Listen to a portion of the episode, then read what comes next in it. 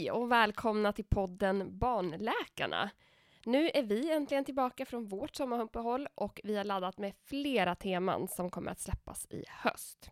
Vi hoppas att alla haft en underbar sommar hittills och att ni fått njuta av den härliga semestern som ni haft. Innan vi gick på semester så släppte vi ett avsnitt om semesteråkommor. Och den respons vi har fått från det avsnittet har varit jättekul. Många lyssnare har hört av sig och tackat extra mycket för det här semesterkittet som vi nämnde, som var bra att ha med sig när man har småbarn. Och nu är vi som sagt laddade för att podda om fler avsnitt och eftersom jättemånga av er har ställt så bra frågor om matallergier så tänker vi att vi fortsätter på det temat. Jag håller med. Lite mer tycker jag ändå att vi kan kräma ut från det här ämnet. Det finns ju så mycket att prata om just matallergier, men det vi faktiskt inte berört är varför man ens får matallergier och vilka icke-IgE-medierade allergier som finns. Det och mycket mer går vi igenom idag. Häng kvar och lyssna!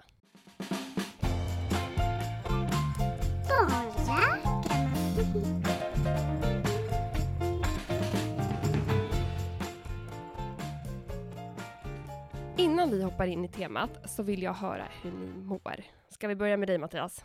Tack, jag mår bara bra. Har varit, när vi spelar in det här så är det fortfarande i sommaren, så jag njuter av fint väder och lite ledighet, så det är underbart. Hur mår du Mia?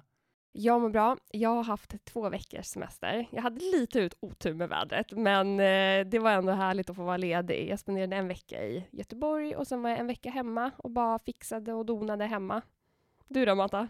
Nej, men jag mår jättebra, tack som frågar. Och vi ska iväg på semester till Spanien och jag är lite nervös inför den här värmeböljan som alla varnar om. Men jag ska ju ta med mig det här semesterkittet som ni nämnde i förra avsnittet. Ja, jag hörde att det ska bli 48 grader så här nästa vecka. Ja. ja, det är galet. Och med tre små barn så får vi se hur det går. Tack och lov att det ändå finns AC på rummen. Ja. Ja, great. Ska vi börja snacka lite om de här hypoteserna som finns kring eh, uppkomsten av matallergier? Ja, det tycker jag låter som en bra start. Och det är ju intressant att vi fortfarande inte exakt vet mer än att det är väldigt komplext och sannolikt flera olika faktorer som påverkar. Ja, men jag håller med. Vi kan ju börja med att nämna att matallergier är vanligare hos barn med allergiska föräldrar. Och ärftliga faktorer spelar troligen en väldigt stor roll för såväl uppkomst som utveckling av allergi. Samtidigt har matallergier ökat så kraftigt i västvärlden de senaste decennierna att det omöjligen kan bero på ärftliga faktorer. Nej, precis. För förändringar i gener sker ju långsamt över årtusenden genom evolutionen. Så det kan inte förklara den här kraftiga ökningen som vi har sett. Exakt. Därför måste det vara faktorer i omgivningen, det vi kallar för miljöfaktorer, som har lett till att matallergier ökar. Ja, det är precis så vi tänker. Och det finns idag tre olika dominerande teorier, eller hypoteser, kring ändå varför allergier eh, förekommer och eh, hur de uppstår. Och den hypotes som kanske är mest känd och också fått mest gehör är ändå hygienprincipen. Ja, den tror jag många har hört om. Ja, det tror jag också. Och den teorin utgår från att för bra, inom situationstecken, eh, hygien, alltså för lite infektioner, damm, djur, parasiter med mera bidrar till en ökning av allergier. Eh, och eh, man, man, tänker då att immunförsvaret utsätts för lite av de här ämnena och därför blir överaktivt och reagerar mot ofarliga ämnen. Och man har till exempel sett att barn som går på förskola eller barn som har yngre syskon faktiskt har en mindre risk att utveckla allergier. Och även barn som växer upp på till exempel en bondgård verkar ha mindre risk att utveckla allergier. Ja, och där vet man inte om det är så att familjer med färre allergier väljer att bo på bondgård eller om det är själva miljön på bondgården som påverkar allergiförekomsten. Men man vet att just dessa familjer har mindre allergier jämfört med andra familjer som inte bor på en bondgård. Ja, och det, det är ju spännande ändå. Ja, eller hur? Men sen så har vi D-vitaminhypotesen. Ja, den här hypotesen tror jag inte är lika känd. Och här handlar det om att man tror att bristen på D-vitamin ökar risken att utveckla allergier. Ja, men precis så är det Mia.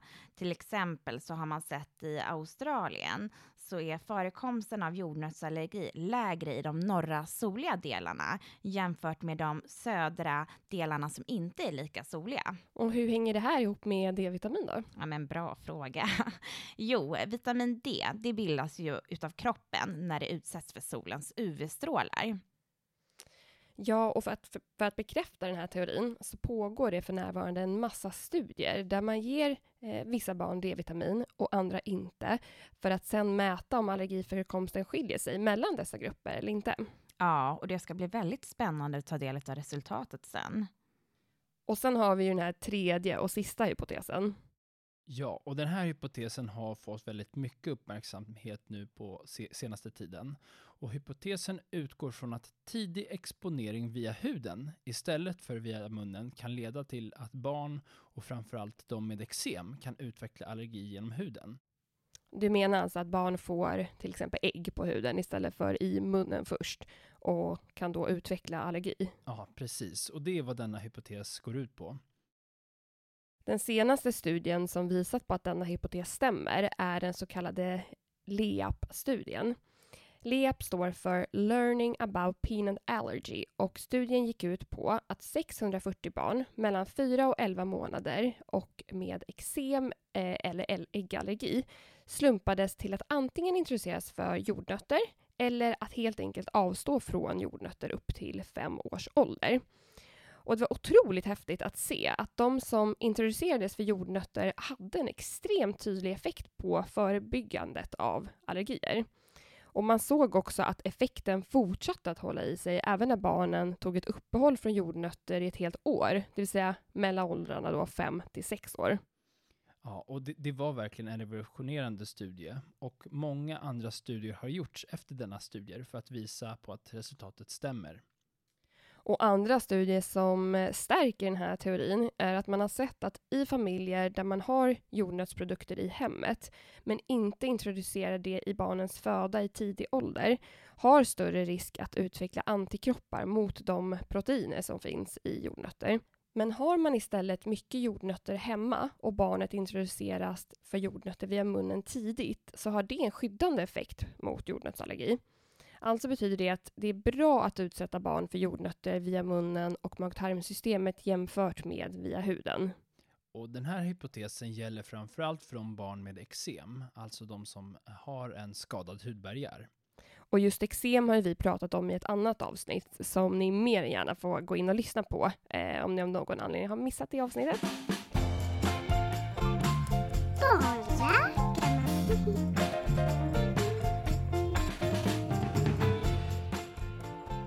Okej, nu har vi pratat om de hypoteser som finns kring allergi idag. Men vi lovade även att vi skulle prata om icke-IgE-medierade allergier också. Och då kan vi ju börja med att säga att eh, icke-IgE-medierade reaktioner kan vara av flera typer och involverar eh, ofta immunförsvarets T-celler. Alltså det är fortfarande immunförsvaret som reagerar, men inte samma immunförsvar som vid IgE-medierade allergier. Och vill man veta skillnaden rekommenderar jag er att lyssna på vårt andra matallergiavsnitt där vi går igenom det. Ja, men det rekommenderar jag också. Men mycket kort sagt så kan vi ju ändå nämna att vid icke IgE-medierad allergi så brukar man vanligen få symptom från mag-tarmkanalen och huden. Ja, precis. Och den vanligaste icke-IgE-modererade allergin är ju mjölkproteinallergi hos små barn som vi diskuterat i tidigare avsnitt. Ja, men det stämmer. Men vi har ju även andra icke-IgE-medierade allergier, såsom Food Protein Induced Enterocolitis Syndrome, som förkortas som FPIES, och även så har vi eosinofil esofagit. Och både F-pies och eosinofil esofagit är mig veterligen ganska okända. Men jag håller med. För min del så minns jag inte att jag lärde mig så mycket om det här under läkarprogrammet. Eller så kanske det nämndes lite kort, utan det var mer när jag började jobba på akuten som jag stötte på de här diagnoserna. Och jag vet inte hur det är för er, men jag har sett på mig eh, fler med misstänkt F-pajs på akuten jämfört med eosinofil esofagit. Jag håller också med. Jag har träffat fler F-pajs-patienter än eosinofil esofagit eller allergisk matstrupe, helt klart. Ja, samma här. Och hur som så tänker jag att vi ska prata om just F-pajs och eosinofil esofagit, då vi redan har eh, pratat om icke med IG-medierade komjölksproteinallergi i tidigare avsnitt. Ja, men det blir bra. Och eftersom Food Protein Induced Enterocolitis Syndrome är ett så himla långt ord och det inte finns någon bra svensk översättning på den diagnosen så tänker jag att vi fortsättningsvis eh, eh, förhåller oss till förkortningen FPIES. Ja, men jag håller med. Och det är ju ofta så den benämns av både patienter och av oss som jobbar inom sjukvården. Och en av anledningarna till att vi nämnde att denna diagnos var ganska okänd är ju för att den är relativt ny även inom vården. Ja, eller den beskrevs nog för första gången för cirka 50 år sedan. Men sen så har den börjat uppmärksammas allt mer och mer de senaste 10 till 15 åren kanske. Och man tror att FPIES drabbar cirka en halv procent av alla barn. Just det. Och vad, är, vad gör att man eh, misstänker att det rör sig om en FPIES då? Ja, symptomen de brukar yttra sig i form av att barnet har kraftiga kräkningar. Och det här oftast i kombination med att barnet också har ett påverkat allmäntillstånd och är väldigt blekt. Och de här symptomen de startar i regel en till fyra timmar efter att man har ätit något som utlöser symptomen. Och sen så brukar kräkningarna följas av diarréer oftast. Och det är just att de här symptomen, de brukar vara ganska kraftiga och därför brukar många föräldrar bli oroliga och då söker de till akuten med sina barn för det. Om man får in ett barn på akuten, vad, vad gör man då om de söker? Ja, först och främst så kollar vi ju såklart hur barnen mår och så frågar vi föräldrarna vad som har hänt och så gör vi en kroppsundersökning. Sen så kan man också ta prover som kan ge ledtrådar om det rör sig om just FPIES eller inte. Och för de som undrar så brukar symptomen hålla i sig ett par timmar, men sen blir barnet återställt om det inte rör sig om en väldigt ovanlig kronisk variant. Ja, men bra att du nämner det, att de, majoriteten de tillfrisknar ganska snabbt. Eh, och de patienterna som jag har träffat på akuten med misstänkt FPIES har oftast fått i sig fisk och reagerat precis som jag nämnde. Men andra livsmedel som också kan utlösa FPIES är mjölk, havre, vete och ägg. Sen så kan ju såklart andra livsmedel också utlösa det här, men nu nämner jag de allra vanligaste. Och då ställer ju vi diagnosen kliniskt, det vill säga vi går ut vi går efter barnets symptom, eller hur? Ja, men precis. Och som jag nämnde tidigare så tar vi eventuellt vissa blodprover, men det är bara för att stärka vår misstanke, så, att det, så det finns liksom inget specifikt prov eller test att göra. Men sen så brukar vi också ofta ställa diagnosen vid andra eller tredje reaktionen, då man konstaterat att reaktionerna kommer efter intag av just ett specifikt livsmedel. Ja, precis. Och det är ju faktiskt en klurig diagnos när det kommer till FPIES. Och det är tyvärr många läkare som inte heller har helt koll på den här diagnosen.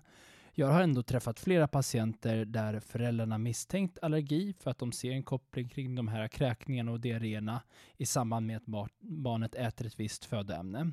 Och man har sökt vårdcentral och där har man kontrollerat sådana här allergiantikroppar eller gjort ett pricktest på huden. Och eftersom den här reaktionen inte är kopplad till de här allergiantikropparna så visar såklart proverna normala värden. Och patienten rekommenderas därför att återintroducera maten. Och när föräldrarna gör det så får de samma reaktion. Och det är bland annat därför som vi ringer från våra barn och ungdomsmottagningar dagen efter en provokation för att efterfråga hur det har gått. För under observationstiden, om man gjort provokationen på, eh, på mottagningen, så kan barnet må helt som vanligt. Men att det kommer sen eh, på eftermiddagen eller kvällen. Okej, och hur behandlar vi det här då? Ja, men eftersom man saknar de här klassiska allergisymptomen som vid IgE eh, medierad allergi så behandlar vi ofta det här med intravenös vätska, det vill säga vätska som ges direkt in i blodet om tillståndet kräver det såklart. Och sen så kan vi också ge läkemedel mot illamåendet och ibland så ger vi även kortison. Okej, mm, det är ju såklart tråkigt och eh, väldigt jobbigt att få dessa symptom, men det är ju ändå skönt att det finns behandling. En fråga som jag tänker att många undrar över, det är om F-PIES kan växa bort. Ja, men det brukar den göra och då växer den oftast bort vid ett, ett och ett halvt års åldern eller vid treårsåldern. Men av någon oklar anledning så verkar den prognosen vara lite sämre om det är fisk som är det utlösande ämnet. Just det, så är det ju och man vet nog inte varför det är så, men det är något man ändå har konstaterat. Nu tänker jag att vi ska gå vidare med nästa icke-IgE-medierade allergi som eh, likt F-PIES också har fått allt mer uppmärksamhet på senare år. Och det är nämligen diagnosen eosinofil esofagit.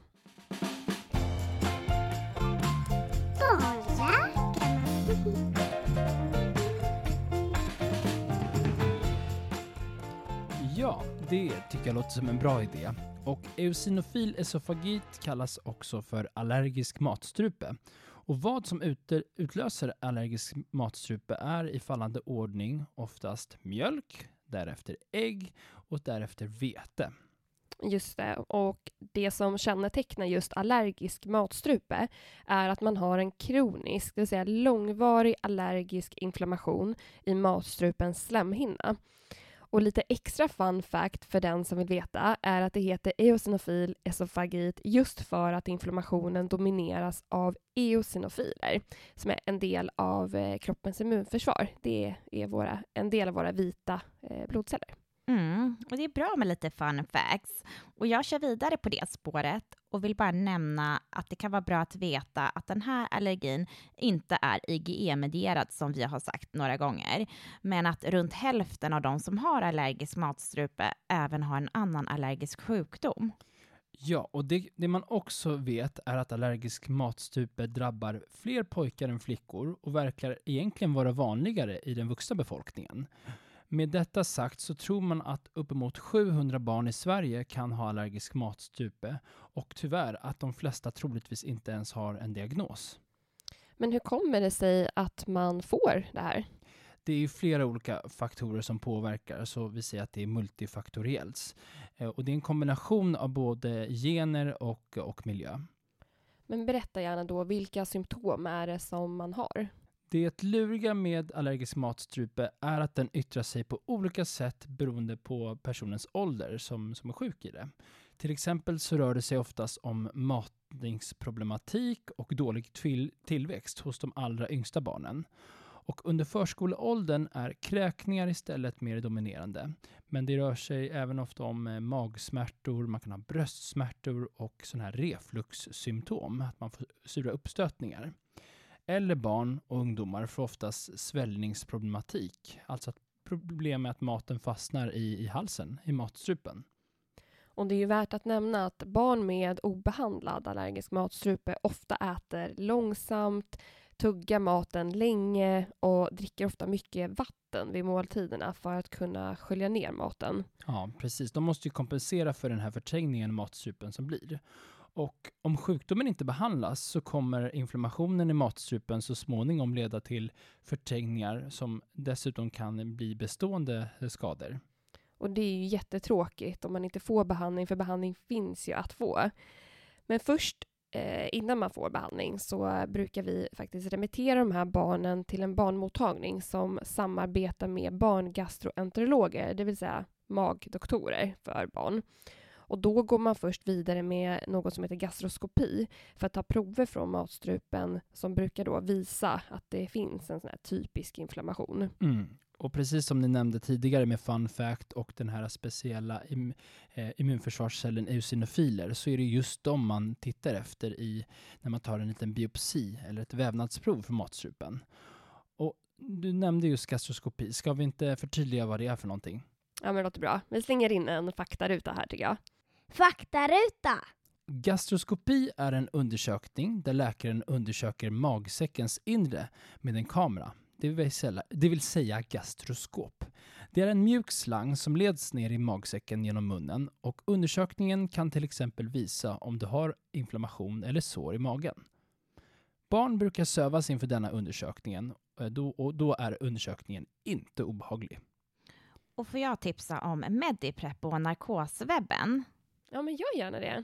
Ja, men det är två jättebra hemsidor som ger ut information om bland annat undersökningar som kräver sövningar och hur det går till och mycket mer på, på ett språk som tilltalar barn. Och där kan man som förälder se filmer och läsa information tillsammans med sina barn för att förstå hur olika undersökningar går till. Ja, vi rekommenderar verkligen de här hemsidorna starkt. Men för att gå tillbaka till hur vi ställer diagnos så är det ju så att ett barn kommer in med sina symptom, vi remitterar, man gör en gastroskopi och sen när man ser att det är de här äh, eosinofilerna, då börjar man såklart att behandla. Exakt. Och målet med behandlingen är att bli fri från sina symptom och att inflammationen i matstrupens slemhinna normaliseras. Så de behandlingar vi har att erbjuda idag är nummer ett är kostbehandling, det vill säga att man eliminerar det födoämne som utlöser inflammationen. Behandlingsalternativ två är att man kan sätta in protonpumpshämmare och det är en medicin som minskar magsyran och minskar då syran i, i magsäcken. Och alternativ tre är att man lokalt kan eh, behandla med eh, en steroid eller kortisoner som dämpar inflammationen i matstrupen. Man kan välja att behandla med alla tre metoder ihop eller i olika kombinationer.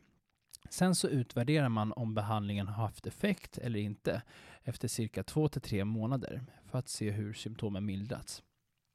Ja, men superbra, tack Mattias. Då har vi gått igenom såväl hypoteser och två mindre vanliga icke-IgE-medierade allergier.